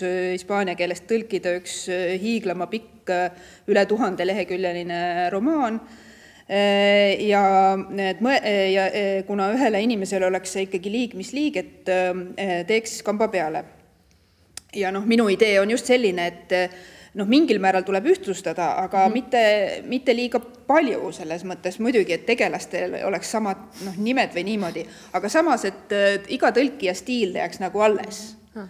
et olekski nagu selles mõttes, et ähm, jah, et, et tõlkija vabadus peab olema ja et, et noh, selles mõttes, et, et sa ei, sa ei tee mingisugust niisugust produkti, mis peab olema iga kandi pealt siledaks, siledaks lihvitud, aga noh, muidugi, kui me mõtleme lastekirjanduse peale ja, ja, ja Kolme musketäri peale, siis, siis eks ole, lapsel võib see väga närvidele käia. no või teine näide on, ähm, mida, mille üle võib pikemalt arutada ka, tegelikult on näiteks Tammsaare tõlge prantsuse keelde, Tõde ja õigus. Et see on tõlgitud erinevate tõlkijate poolt, kusjuures siis kolmanda osa tõlkija, kes on ajaloolase taustaga, tal on seal hästi palju allmärkusi mida ülejäänud tõlkijad ei ole üldse pannud. see tähendab seda, et, et me ikkagi nagu kaks esimest koidjat loeme ära ja siis see kolmas on ikkagi hoopis teine. aga kirjastus on sama või? kirjastus on sama, jah aga kirjastus ei pidanud ka siis nagu või noh, ütleme, et see allmärkuste tegemine on tavaliselt ka ju kokkuleppel nagu kirjastus, aga no või... nad üritasid temaga kokku leppida. Ta ei tahtnud. Ega siis loominguline isiksus on äh, teinekord puine ja järbeline aga, aga see oleneb natuke inimese isiksusest ka ja, ja tööharjumustest mm, -hmm. sellepärast et, et ma olen töötanud tandemiga, tandemina inimesega, kes näiteks minul on nii, et kui ma saan selle töö, ma teen ta kohe ära. Äh, ja tema tegi niimoodi, et kui tal oli see äh, kuupäev teada, siis ta ütles, et noh, mul võtab ta umbes neli päeva, et siis ta hakkas neli päeva enne seda kuupäeva tegema. Ja noh, kui jõudis, siis jõudis, kui ei jõudnud, noh, ei jõudnud, eks ole, et, et, et, et, et, et see on nagu noh, üks osa sellest, eks ole. aga, aga näiteks minule meeldib, et just praegu, kui ma olen nii palju aastaid selle keelega tegelenud, et mulle meeldib see, et ma ähm, noh, ma keelt valdan, et ma äh, teen selle niimoodi selle tõlke ära, et, et see ei ole nagu sudoku või ristsõna mõistatus, kus on tühjad lahtrid, eks ole mm, -hmm. et, et, et, et toimetajad siiski enamasti nad vaatavad näiteks inglisekeelsest tõlkest ja toimetavad, nii et, et, et kõik need otsused ja need valikud, mis sellest algkeelest lähtuvad, ma ei saa nii teha, et oh, ma ei tea seda, et jätan vahele, et mm, -hmm. et noh, minu, minule, minu jaoks ei ole äh, aktsepteeritav. Ehm, ja, ja peale selle, et ma loen neid enne seda raamatut, et noh, et sa ütlesid, et noh, hakkab nagu närvidele käima, et tegelikult minul on nii, et eriti nüüd nendes raamatutes on hästi palju sõnamänge, asju, mida noh, eesti keeles ei ole, et siis mul hakkab juba, eks ole, mõte jooksma, et hmm, et no mis ma sellega teen et, et kuidas ma seda lahendan, et on mingi eestikeelne väljend, aga seda peab kuidagi noh, et inimene seal tekstis näiteks teeb vigu, et kuidas ma selle nagu kangemaks väänan, et noh, et umbes, et et ta ütleb, et ah, et ma olen teile igasugust, igasuguseid asju rääkinud, et ja, ja teine ütleb, et oh, et, et see väljend on hoopis niimoodi ja siis, et, et noh, näiteks üks näide on, et et ma olen teile kogu aeg parme pähe ajanud ja siis öeldakse, et noh, eesti keeles me ütleme, et või me ütleme, et kärbseid pähe ajanud mm, -hmm. ta ütles, et aga seda on nii palju, et ma pean midagi suuremat kasutama või et noh, et pea on palke täis, et aga noh, et, et tegelikult me ütleme, pea on pulki täis, et noh, et sa kohe hakkad nagu mõtlema, et mida noh, mis on need variandid, mis eesti keeles toimiksid. ja kui ma olen selle ära tõlkinud, siis ma käin ühe korra läbi nii, et ma vaatan lause lauselt, et, et noh, et kõik laused on olemas ja et on ikka see nüüd, et ehkki ma olen enne lugenud, võib-olla ma nüüd näen mingit asja et, et ta peaks olema kuidagi suhestuma teistmoodi. ja viimane lugemine on selline, et ma olen ta nädalaks ära pannud kõrvale ja siis ma loen teda puhtalt juturaamatuna ja vaatan mm, -hmm. kas on kuskil sellised kohad, kus ma kinni jään mm. -hmm. et mis mind ennast näiteks lugedes häirib, et, et kui on selline tõlge, et loen ja nagu, sest noh, mina mm -hmm. ütlen küll, et, et, et ma loen eestikeelset tõlget mõnikord, kui ma näen, kes on tõlkinud, ma jätan lugemata mm. -hmm. et, et nii, et, et seda noh, need, kes oskavad vaadata tõlkija järgi, need teatud tõlkeid ei loe mm. -hmm. ja, ja ma tean täpselt, mis sa mõtled, et minul on see tavaliselt see koht, kus mul no ongi, et sul, sul tuleb nii-öelda see, et see on tõlkekirjandus et mul läheb nagu mõte mujale rändama kuskile, et mul kaob see voog ära, nii-öelda see lugemisvoog, et see nagu noh, et tekib mõnus, mingi segadus. just ja, ja, ja siis kohe ka mõte hüppab kuskile mujale ja sa avastad, oi, et ma ei loegi enam või et mm. noh, et kuidagi tekib see, tekib see hetk. Klaarika, äh, tuleme sinu juurde selle, alustame algusest, et kuidas jõudsid Hispaania keelekirjanduse juurde ja oli seal mingeid teisi mõtteid ja kuidas kuidas äh, lõpuks ilukirjanduse tõlkimiseni mm.? ma veel siin natukene, ma, kuna, kuna ma ütlen, ma olen, ma olen, kuna ma olen ka teoreetik ja uurija ja mm -hmm. ma väga palju mõtlen selle peale, et milline, mida üldse tõlkest arvatakse ja, ja, ja nii ja naa, siis äh, no mul, ma muidugi ka kohati äh, mõtlen selliseid ketserlikke mõtteid, et, äh, et miks üldse peab tõlget olema mõnus lugeda, et äh, kui originaalkirjandust ei ole sageli mõnus lugeda, et miks tõlge peab just selline olema. et milles see tõlge siis süüdi on või mis ta, mis ta teistmoodi peab olema. aga no hea küll. et see võib-olla algajale tõlkijale ei ole hea, hea nõuanne et eh, ja noh, ma olen ka saanud oma, oma vastu päid ja jalgu selle eest, aga ma ikkagi jään oma põhimõtetele kindlaks. Eh, mina sattusin Hispaania keelt õppima suhteliselt juhuslikult, sest eh, kui ma ülikooli kavatsesin minna, siis oli esimest aastat avati, oli avatud siis just Hispaania filoloogia ja skandinavistika ja noh, minu loomulik äh, teekond oleks olnud inglise filoloogiasse, kuna ma tulin äh, Tartu või noh, tänasest siis Miina-Härma gümnaasiumist, aga noh, mul oli sellest inglise keelest juba pehmelt öeldes küll ja ja siis ma mõtlesin, et kuhu siis minna, no Hispaania tundus põnevam kui Skandinaavia ja, ja lihtsalt siis läksingi. ei olnudki midagi, ühtegi sõna ei osanud, midagi, mõnda kirjanikku ikka teadsin mm. -hmm. nii et nii läks. ja, selle... siis, äh, ja siis äh, tegin, olen kõik selle lõpuni teinud, vahepeal olen Hispaanias äh, õppimas käinud natukene ja siis olen magistri teinud ja doktoritöö. Ja no magistritöö juba tegin, bakatöö oli mingi ei tea, mis asi, seda ei taha praegu vaadata enam, aga, aga magistritöö oli juba kindlasti tõlkeuurimus ja, ja doktoritöö ka. Mm. -hmm ja sealt see ilukirjandus lihtsalt tuli? jah, ja siis kir-, ilukirjandus, no mulle ikkagi seda meeldis teha ja ma natukene ikka Jüri Talveti käest sain kiita ka et ma olin kursuselt nagu selline ikkagi, kes, kellele meeldis sellega tegeleda. ja, ja siis see, see oli juba ilmselt ik, ikkagi jah, loomulikult pärast, pärast ülikooli juba, kui ma ikkagi töötasin, ma kahtlustan, et tema soovitaski mind kooliprii kirjastusele ja seal oli selline väga hea toimetaja, kes, kellele ma vaatamata oma ketserlikele mõtetele meeldisin ja ta andis mulle kohe järjestikku mitu asja, head paksu asja tõlkida, nii et et siin kiitusest ikka tutvuste kaudu ikka. ikka tutvused ja ikka jälle jõuame sinna õppejõudude Jaa. tasandile, et kõik algab sealt. kiitustest äh, tuli juttu, et siin on tõlked heaks kiidetud, et oskab küll ja, ja muidu patsutati õlale. aga kriitika ja arvustused, et nagu üldse selline tagasisaamine oma tõlkele, et kuidas sinu kogemus selles osas on või, või mis kujul või mis mahus üldse Eestis tõlkija sellist kriitikat ja tagasisidet saab või milleks näiteks siis algaja tõlkijana valmis olla. et noh, minu esimene pilt alati, kui keegi ütleb noh, et kriitika arvustused näiteks äh, Eesti, kas kirja, kui sa oled kirjanik või, või kui sa tõlgid, et siis tuleb selline utoopiline pilt, eks ole, ette sellest USA kirja, kirjandusmaastikust, et kus ongi see, et see tõlge läheb välja, eks ole, avaldatakse ja siis järgmisel päeval on igal pool meedias ja uudistes igal pool on need arvustused, sellised massilised inimesed värisevad, et noh, see ei ole tegelikult niimoodi, on ju. et ja Eestis ilmselt, ilmselt mitte, et kuigi see tunne, ma arvan, et kui sa oled see tõlkija ja sa ootad mingit arvustust, võib olla umbes sama suur, et, et ka värised seal veidi võib-olla oma esimese, esimese tõlke puhul, et aga noh, päri, päriselt niimoodi kõrvaltvaatajale meil, meil sellist asja ilmselt ei toimu, et ja oleks, kui keegi arvustab. jah Jah,, no tegelikult esimese laksu saab tõlkija alati toimetaja käest, kui tuleb see esimene tekst -hmm. esimene parandus tagasi, esimene ülekäidud töö, siis vaatad, issand, see on jumala punane kõik, sest ise arvasid, et oi, mul oli päris hästi, juba võib juba varsti trükki anda, eks ole. sama tunne umbes nagu, et kui sa saadad oma eh, lõputöö kavandi esimest korda juhendajale, on ju, et arvad, et sai päris hästi ja siis tuleb tagasi selline sada kommentaari. no vot, mõnede asjadega saab muidugi ka, mõned asjad äh, saab kuidagi äh, ka toimetajaga selgeks räägitud, ikka öeldud, et ei, see jääb ikka nii ja ei ole midagi.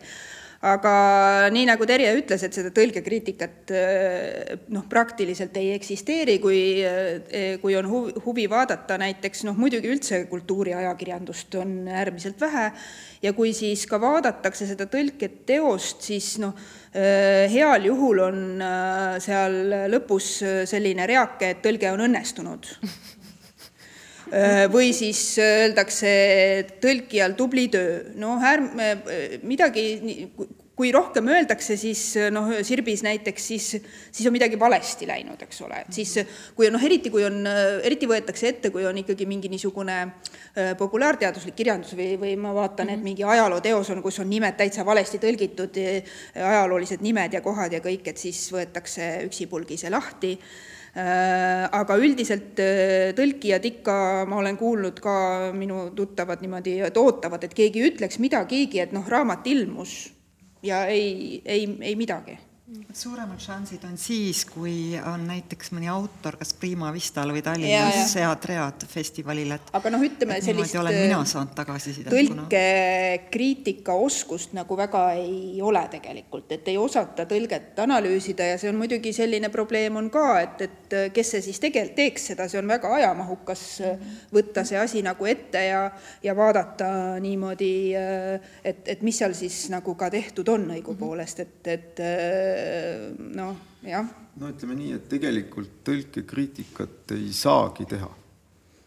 sellepärast, et ähm, tõlkekriitikat äh,, kuna tõlge ise tegelikult on, ei ole alati nagu kolme väga hea variandi vahel valimine, vaid sa tegelikult väga sageli oled sunnitud valima hoopis kolme halva variandi vahel ja siis sa valid sellise variandi, mis on nendest nagu kõige halvem, siis võib juhtuda, et sellel kriitikul jääb alati see mingisugune üks asi silma, mis on nagu nii-öelda kuhugi, läheb kuhugi lappama, aga ta ei saa tervikust aru. ja tegelikult kõige parem kriitika on see, kui sa kriitikuna tõlgid selle teose ise ümber. no mina ei ole sellega Ja nõus siis- muidugi, mis sa räägid, see sa ta- ütleb välja taga ka, aga no siis, kas me võime siis kõige kohta öelda, et teatrikriitikat ei ole ka mõtet teha, et tee siis uus lavastus, lavasta ise? Ähm, see analoogia ei tööta. no muidugi, kus tas töötab? Li, lihtsalt sellepärast, et, et halb, ma olen lugenud lihtsalt väga halba ähm, tõlkekriitikat. no just, aga see ei tähenda, et seda paremaks ei või, või paremat ei aga ma- võiks olla. ei, ei võigi olla parem No, sa ei põhimõtteliselt ei saa olla parem. Li, lihtsalt sellepärast, et, et kriitik jääb detailidesse kinni. Kui ta, kui sa, kui, kui ma olen ise teinud äh, tõlkekriitikat ja see ei ole üldse, üldsegi nagu mugav. sellepärast, et sa võid leida ühe mingisuguse sellise imeliku asja või, või mingi arusaamatu käigu või, või mingisuguse sellise äh, kas või stilistilise elemendi, aga sa ei näe sinna, sinna tõlkija peasse, sa ei mõista seda ära, miks ta ei no seda sina teeb. ei pea seda tõlkija pähe nägema, sa, sa näed seda teksti, mis on tulemus sa ei, sa loomulikult sa ei tea, miks ta seda tegi, sa ei, sa ei tea tead, teatrikriitikuna ka, et, et miks ta seda, ma ei tea, võib-olla näitlejal oli, jalg valutas ja tegi oma rolli halvasti võib-olla, et noh, see ei ole ju sinu küs-, ülesanne kriitikuna, vaid analüüsida seda teost, millisena ta nüüd lugejale ilmub. muidugi sa võid analüüsida mingisugust detaili, kas ta on teinud seda või ta ei ole seda teinud või ta, kuidas tervikuna on või kas ta on tähelepanu pööranud millele, millel ta ei ole pööranud tähelepanu.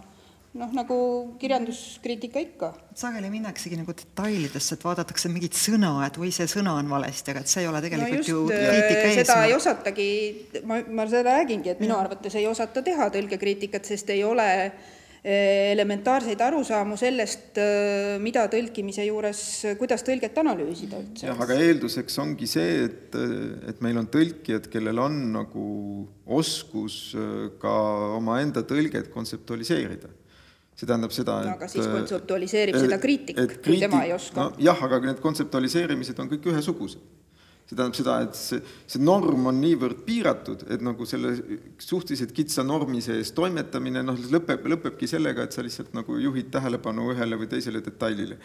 et äh, samalaadset kriitikat nad äh, väga innukalt tegid enne äh, teist maailmasõda.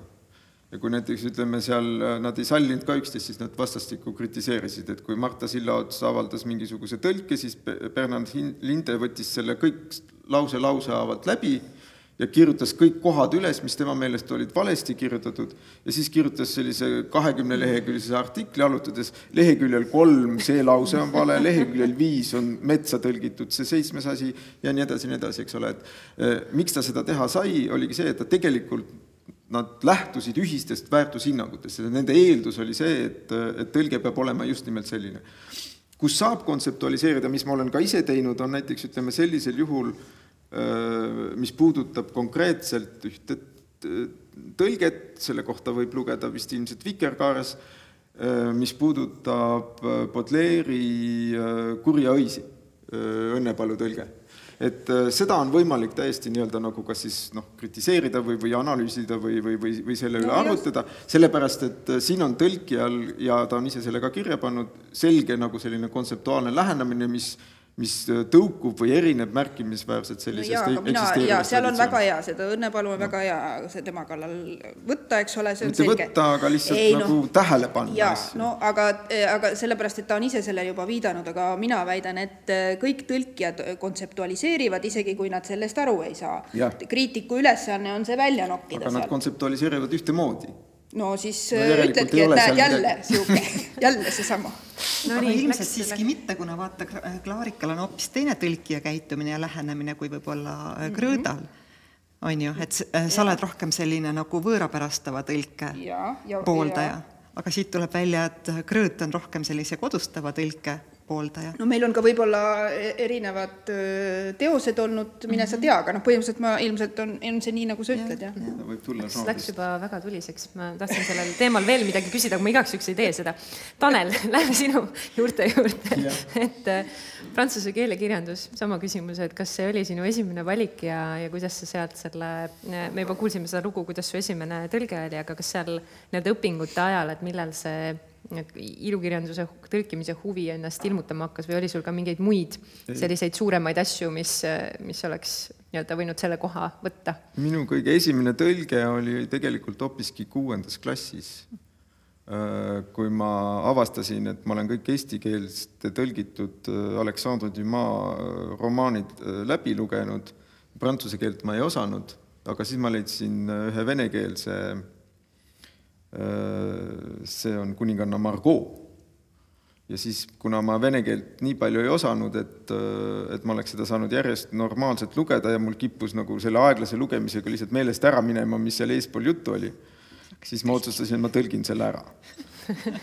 ja siis ma tõlkisin selle endale kodus kaustikusse, mul on see seal pool sellest on äh, täiesti korralikult ära tõlgitud. Aga, aga et, et see tegelikult ikkagi seal taga on see huvi kirjanduse vastu mm, -hmm. mis on mul algusest peale olnud ja just nimelt prantsuse kirjandus ja siis sattus nagu nii-öelda, ma ei tea, kus nagu sinna kuskile taevasse oli kirju, kirja pandud, nagu ühes raamatus öeldakse, siis see, et kui ma läksin üheksandasse klassi, teavitati meid uudisest, et meie koolis saab õppida prantsuse keelt. ja siis ma hakkasin õppima prantsuse keelt ja siis sealt edasi enam nagu noh, oli juba loogiline. rada oli juba sisse tallatud, jah mm.. Mm. Um, esimest tõlget sa juba mainisid miks see, miks just see, aga äh, pärast selline siis võib-olla mõni, mõni nendest esimestest tõlgetest, äh, mida sa tahaksid võib-olla välja tuua, et mis oli kuidagi võib-olla eriline või või? Äh, no me jah, me oleme siin nagu, mm, oleme siin nagu seda julgustamise teemat ikkagi nagu, nagu puudutanud, et ma arvan, et just ka publikule nagu seda öelda, et ilmselt äh, on paljudes on see kõhklus ikkagi sees, et, et tahaks hirmsasti, aga kas ma saan ja kas ma, et, et seda, mulle tundub, et selles valdkonnas on, on vaja rohkem julgustamist. Äh, mina näiteks ei usu mingisugusesse asjasse nagu mingi keeleanne et nagu, mingid inimesed on nagu andekamad keele õppimisel kui teised, et ma arvan, et mina näiteks olen keelte peale suhteliselt andetu inimene. aga, aga näiteks noh, huvi kirjanduse vastu ilmselt ikkagi on, on seotud selle tõlkimisega, et, et ilmselt ikkagi hästi ei suuda tõlkida inimene, kes vähe loeb või kellel on huvi lugemise vastu on väike ja siis huvi lugemise vastu, eks ta ikkagi tahab ka nagu mingil hetkel nagu seda loomingulist väljendust siia, kui me räägime endiselt ilukirjandustõlkest mm. -hmm, ja, ja ma arvan, et ikkagi nagu mingisugused ka, ka seal loengutes nende tõlkimiste katsetamised on üks asi, et on saanud seda, seda teha. ma olen ka ise õppejõuna aeg-ajalt ikkagi püüdnud vähemalt mõnes seminaris teha neid ilukirjanduslikke tõlkeid varasemalt aga et äh, mis mind ikkagi kõige rohkem innustas, oli minu kõige esimese noh, sellise olulisema tõlke, see, mis ka ilmus siis trükis, selleks oli äh, Milan Kundera romaan pealkirjaga Aeglus, mida siis äh, toimetas tuntud keelespetsialist Helju Valss. ja, ja tema toimetamine oli see, mis, millest ma üldse õppisin, kuidasmoodi, kuidasmoodi eesti keel käib. Ühesõnaga ma õppisin ära need asjad, mis mul olid eesti keele tunnis õppimata jäänud. Ja ma sain aru, kuidasmoodi käib tõlkimise protsess, et, et mul on olnud toimetajaid mõningaid, kes ei ole nii head olnud, aga, aga ma sain aru ja absoluutselt igast kommentaarist. see tähendab seda, et, et oli põhjendatud, selgitatud ja pärast oli seal veel suur tabel mingisugust analüüsi ja siis ta kutsus mind enda sinna kööki, köögilaua taha ja siis me käisime kogu need huvitavad või tema jaoks problemaatilised kohad ükshaaval läbi. ta küsis minu käest, et miks ma nii olin tõlkinud ja, ja kontrollis ja, ja siis me mingisugustel hetkedel öö, vaidlesime. Siis teine etapp oli Äh, iiveldus äh, Sartre oma, kus siis samamoodi juhtus Helju Valss seda toimetama, siis me tegime juba nagu nii-öelda nagu vanad kogenud sellid juba sellesama protsessi, juba teadsime, kuidas see käib. ja siis üldse tema viimased sõnad minule olid see, et tahaks ühe, sinuga selle ühe kolmanda ka veel ära teha. aga siis noh, elu seda kolmandat paraku ei võimaldanud mm. -hmm. aga, aga et, et et ma, ma ikkagi näen selles mõttes seda, kuivõrd oluline on just nimelt noh, mitte ainult see, mis sa ütlesid, õlale patsutamine mm, -hmm. et noh, patsutamine ei, mulle ei meeldi üldse mingi, keegi mind patsutab, aga aga et kas selline kas või kriitiline või konstruktiivne tagasiside või, või, või see, et nagu loetakse ja hoolitakse, et ma arvan, et see on oluline. just, just nagu sellisel, sellisel tegevusel, mis noh, kus on see loominguline aspekt on juures. Et ma arvan, et, et ütleme, sellist igasuguseid tehnilisi asju ja ütleme, selliseid noh, et nagu mis on sellise, sellise äh, sellise õpipoisi tööd või, või mis on nagu sellised nagu noh, mingisugused omandatavad oskused, mis on, milleks ei ole vaja teatud sellist kreatiivsust, aga kui see tuleb see kreatiivsus mängu, siis, siis seal on vaja seda julgustamist ja see on see koht ka, kus eelneva jutuga taga, tagasi tulla, kus see kriitika on teinekord valus. et kui sa oled nagu selle hinge sinna sisse pannud ja keegi ütleb, et see on halb, siis on see palju valusam kui see, kui sa oled noh, teinud seda lihtsalt nagu mingisugust tuima tööd ja siis öeldakse, et see on, läks untsu, siis noh las ta siis olla. mulle meeldis, vabandust jälle, et, et see, ma ikkagi mõtlen jälle selle üle, mis tõlge on, eks ole, et see, see kuueaastase tõlge, et, et, et tegelikult ma arvan, et et kuues seda, klass. kuues klass, vabandust, ei kuues klass, kuna sa seda tõlkisid vene keelest? Kuuendas klassis. kuuendas klassis, okay. kuueaastased ma ei osanud ei osanud midagi lugeda et, oskasin, et, et, et minu arvates on see natukene tõlkimise puhul ka, ka edaspidi või ka professionaalide puhul nii või vähemalt minu puhul on, et, et tõlkija natukene tõlgib ka endale selgemaks seda, et, et tõlkimise käigus toimub ka see, et, et et ma teen nagu endale selle selgemaks, et mulle tuli kuidagi väga tuttav ette, kui sa ütlesid, et ma ei osanud vene keelt ja mul ei läinud edasi see nagu hästi ma, ma, mina arvan, et ma hispaania keelt päris hästi oskan, aga ma armastan eelkõige lugeda siiski eesti keeles asju, mitte võõrkeeles. ja, ja ma teen ka tõlkimisel endale selle nii-öelda, seedin ta nagu läbi, et mm -hmm. Nii ja. nagu selle mulle, mulle meenub siit endale üks, üks seik, et, et kas eelistada lugeda originaalkeeles või mitte, et noh, kui ma olen, ma olen, ma arvan, ma loen võrdselt inglise ja eesti keeles äh,, see vähene aeg, kui, kui ma loen, aga ma mäletan seda, et ma bakatudengina ühe tekstianalüüsi kursuse jaoks arvasin, et äh, mulle meeldis põhikoolis äh, jubedalt äh, Edgar Allan Poe novellide kogumik. et ma, ma ei tea, midagi seal kõnetas mind, et see oli nii huvitav minu jaoks, siis ma mõtlesin, et oh, et võtaks selle nüüd, ma olen Inga Fill, et võtaks selle inglise keeles ette. Et nagu see oli nagu vist, ma sain umbes kohe aru, et, et see, see ei, ma ei ole selle jaoks veel valmis. Et ma arvan, ma peaksin praegu uuesti proovima, et, et see, et ma arvan, ma ei ole ka praegu selle jaoks valmis, et võib-olla peaks tõlget ja originaali koos lugema, et see oli lihtsalt, tulevad sellised toredad mõtted mõtted. et aga tõlkevigadest tahaks ka rääkida natukene veel, et äh, Tanel äh,, kas sa oskad tuua mõne, mõne näite sellest, et me, me korraks põgusalt enne seda loengut rääkisime sellest, et et noh, et küll on läinud vigadega asju trükki ja siis sa alles hiljem selle seal näed ja, ja nii edasi, et aga et üldiselt mingeid mõtteid, mis selles suunas tekivad? oskan küll, aga ei räägi. ei räägi, mida ähm, ei, ma võin ähm, lihtsalt, kaks mis, näidet ma võin siiski tuua, nagu sest ma, need on kaks näidet, mida ma oma loengutest toon, nii et nagunii siin on juba mõni inimene, keda ma näen, kes on juba neid näiteid toonud, et ähm, iivelduses on üks lause ähm,, mida ma ei tea, mis tähendab. ja mis on kindlasti valesti tõlgitud, sellepärast et kuna ma ei tea, mida ta tahab öelda, siis on äh, ja ma vaatasin järele äh,, ingliskeelses tõlkes on tõlgitud see lause äh, täpselt sõna-sõnalt.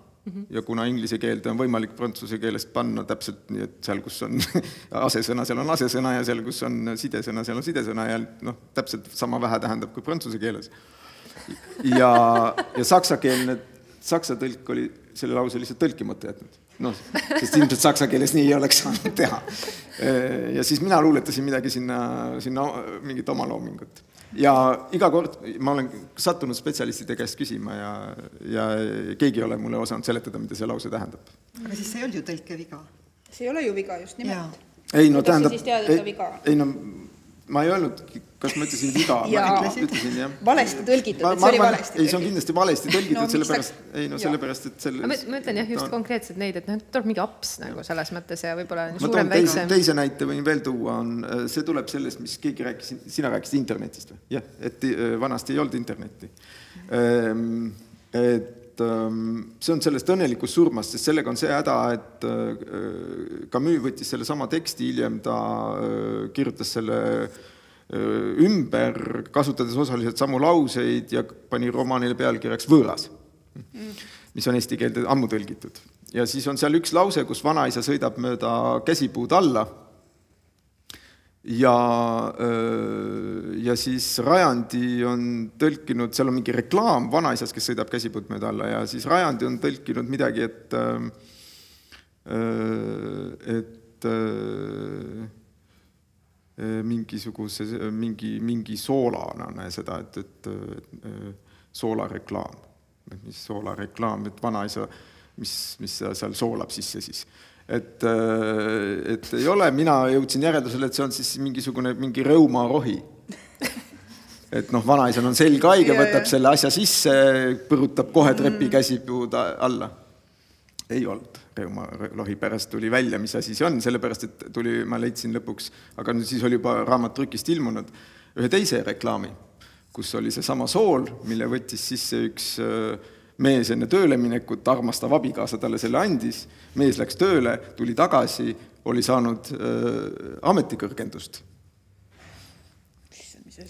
Noh, mis sool see on, mis paneb vanaisa sõitma trepikäsipuude alla ja mees saab kohe ametikõrgendust. valge pulber äh, see võin, võin öelda, mis see oli, see oli kõhulahtisti. okei. klausisool või? See oli äh, jah, niisugune toona Kircheni sool oli selle nimi, et, äh, et toona oli see lihtsalt kõigile tuntud ja see on just see nagu see taustateadmise küsimus ka, eks ole, et kui Camus selle kirjutas, tal ei olnud mingisugust põhjust seda lahti seletada, et see on kõhulahtisti, kõik teadsid, mis see on. ja, ja samas teine asi on ka see, et, et kuna see reklaam ise noh, kõhulahtist ei ole mingisugune asi selline, et me tänapäeval võib-olla on, et kõhulahtist hästi suurelt, ostke seda, eks ole, et siis oli lihtsalt noh, et peenelt oli, ei olnud öeldud, mis see on, et inimene ise, vaata vanaisa, vanaisal on vunk sees, et et, et selles suhtes võivad sellised asjad noh, paratamatult sisse tulla, mis, ma kulutasin sellele kaks päeva et aru saada, mis pagana reklaam see on, sest et noh, ei saa lihtsalt tõlkida, et äh, reklaam. ja, ja, ja siis mõnikord võib ikka valesti minna. Mm.. Terje, kuidas sul tõlkeapsude ja vigadega on olnud, aga mul on õnneks noh, tegelikult ma ei tea täpselt, aga enamasti on toimetaja kinni püüdnud. Mm, -hmm. et mul on sellised lollid vead olnud nagu umbes niisugused interferentsed, üks ma mäletan, oli saksa keeles sõna žiraffe, mis on kaelkirja, ma tõlkisin silma pilgutamata ahv, žiraffe ahv üldse mingit kahtlust ka ei tekkinud. ja nagu sellised asjad. no ka, ka väga nii-öelda tunnustatud tõlkijatel on neid noh, ma olen analüüsinud Ott Ojamaad, kellel seal on tee asemel on kohvi ja ida asemel on lääs ja mõtled, noh, mida mida sellega nüüd peale hakata, noh, see tõlkeuurijad tavaliselt sellega ei tegele, eks ole, sest see visatakse ära, sest vead ei ole olulised, kuna noh, vead tulevad niikuinii sisse, need otseselt ei näita mitte midagi selle tõlkemeetodi ega mitte millegi kohta, aga aga need on sellised huvitavad asjad. Semperil on äh, selles ähm, äh, söekaevurites on episood, kus äh, kõigepealt tuleb tuhat naist ja siis tuleb tuhat inimest et äh... aga nii nagu Tanel ütles, minu arvates äh, teatud mõttes see äh, noh, Indoeuroopa või ütleme, vähemalt nendes romaanikeeltes on küll niimoodi, et äh, sõnu saab ritta lükkida, ilma et need suurt midagi tähendaksid mm.. ja, ja siis, kui sa küsid siis selle native speaker'i käest, et noh, et kuule, et aita mind, ma üldiselt võimalikult vähe küsin, aga mm -hmm. et siis ta ütleb, noh, siin on ju see aga, aga, aga mis see siis on, et mida see siis tähendab, see jääbki nagu arusaamatuks, sest eesti keel on nagu kuidagi nagu päris alasti et seal et tuleb nagu selgelt välja öelda, mis mhm. on, ei saa niimoodi hämada. aga seal saab äh, järjest panna neid abstraktseid sõnu niimoodi, mis noh mhm. bla, bla, bla. jah, ega iga kord ei pruugi autor ise ka aru saada. ei pruugi, just nimelt. aga, aga noh, et, et noh, ütleme sellised kultuurilised elemendid, üks huvitav asi on isa korioos on, kus on äh, äh cornichon äh, Äh, ehk siis me teame, eks see on selline väike prantsuse hästi äh, äädikane kurk. Mm., cornichon. kuidas tõlgitud on? Eesti keelde? sõnaga sardell. Madame Fouquet pensionis, mis seal söödi, cornichon. Ei söödud ikka pensionis, ikka räpane pension oli, seal söödi sardelli, otsustas tõlkija. No vot siis. Aga no kõige hullemad on jah, minul on sattunud äh, selline autor nagu Cortázar, kes, äh, kes lihtsalt paneb tuima põhimõtteliselt see, noh, ta nagu, tema mure ei ole see, kas sina saad sellest lausest aru või kas sellel lausel on, või kui sellel lausel on lõpp või kas sel peatükil on konkreetne lõpp või ja siis ta võib see lõppeda niimoodi ja, ja siis on mingisuguseid niisugusi kohti, mis noh, on lahti hammustamatud. Ja seal ei ole minu arvates valetõlget, sellepärast et noh, kui ei ole teada, siis ei ole teada. Ja õnneks ei ole võimalik küsida ka, mina, mulle väga meeldib see, kui ma ei saa küsida, kui autor on surnud, siis tee, mis tahad, põhimõtteliselt. Kuna meil hakkab aeg vaikselt otsa saama ja ma tean, et äh, inimestel on veel, et lisaks Öivindile, kellel on veel tänane see kaart väga-väga tihe ja täis, siis ma küsin lõpetuseks sellise mm, positiivse küsimuse, et äh, mis on tehtud tõlgetest olnud teie jaoks selline isiklik äh, nagu kõige suurem eduelamus või mille üle te ise tunnete uhkust, et see tõlge on tehtud? Krõõt ma arvan, et see on alati see, mis on laua peal, hmm. mis on nagu, mis on põnev et, et, et ma just mõtlesin, kui ähm, Tanel rääkis kirjanduse armastamisest, et, et ma mõtlesin, mulle küll kirjandus väga meeldib, aga ma vist armastan keelt rohkem. et sellepärast mulle see tõlkimine, noh, ta ongi nagu keelepähklite lahendamine mm, -hmm. et äh, aga noh, võib-olla esimene tõlge, kui see Loomingu raamatukogus ilmus, et äh, noh, oli ikka uhke tunne küll, aga mm, -hmm. aga praegu on jah, et see, mis äh, erutab, see on see, mis äh, töös on mm. -hmm. Terje, mis sinul?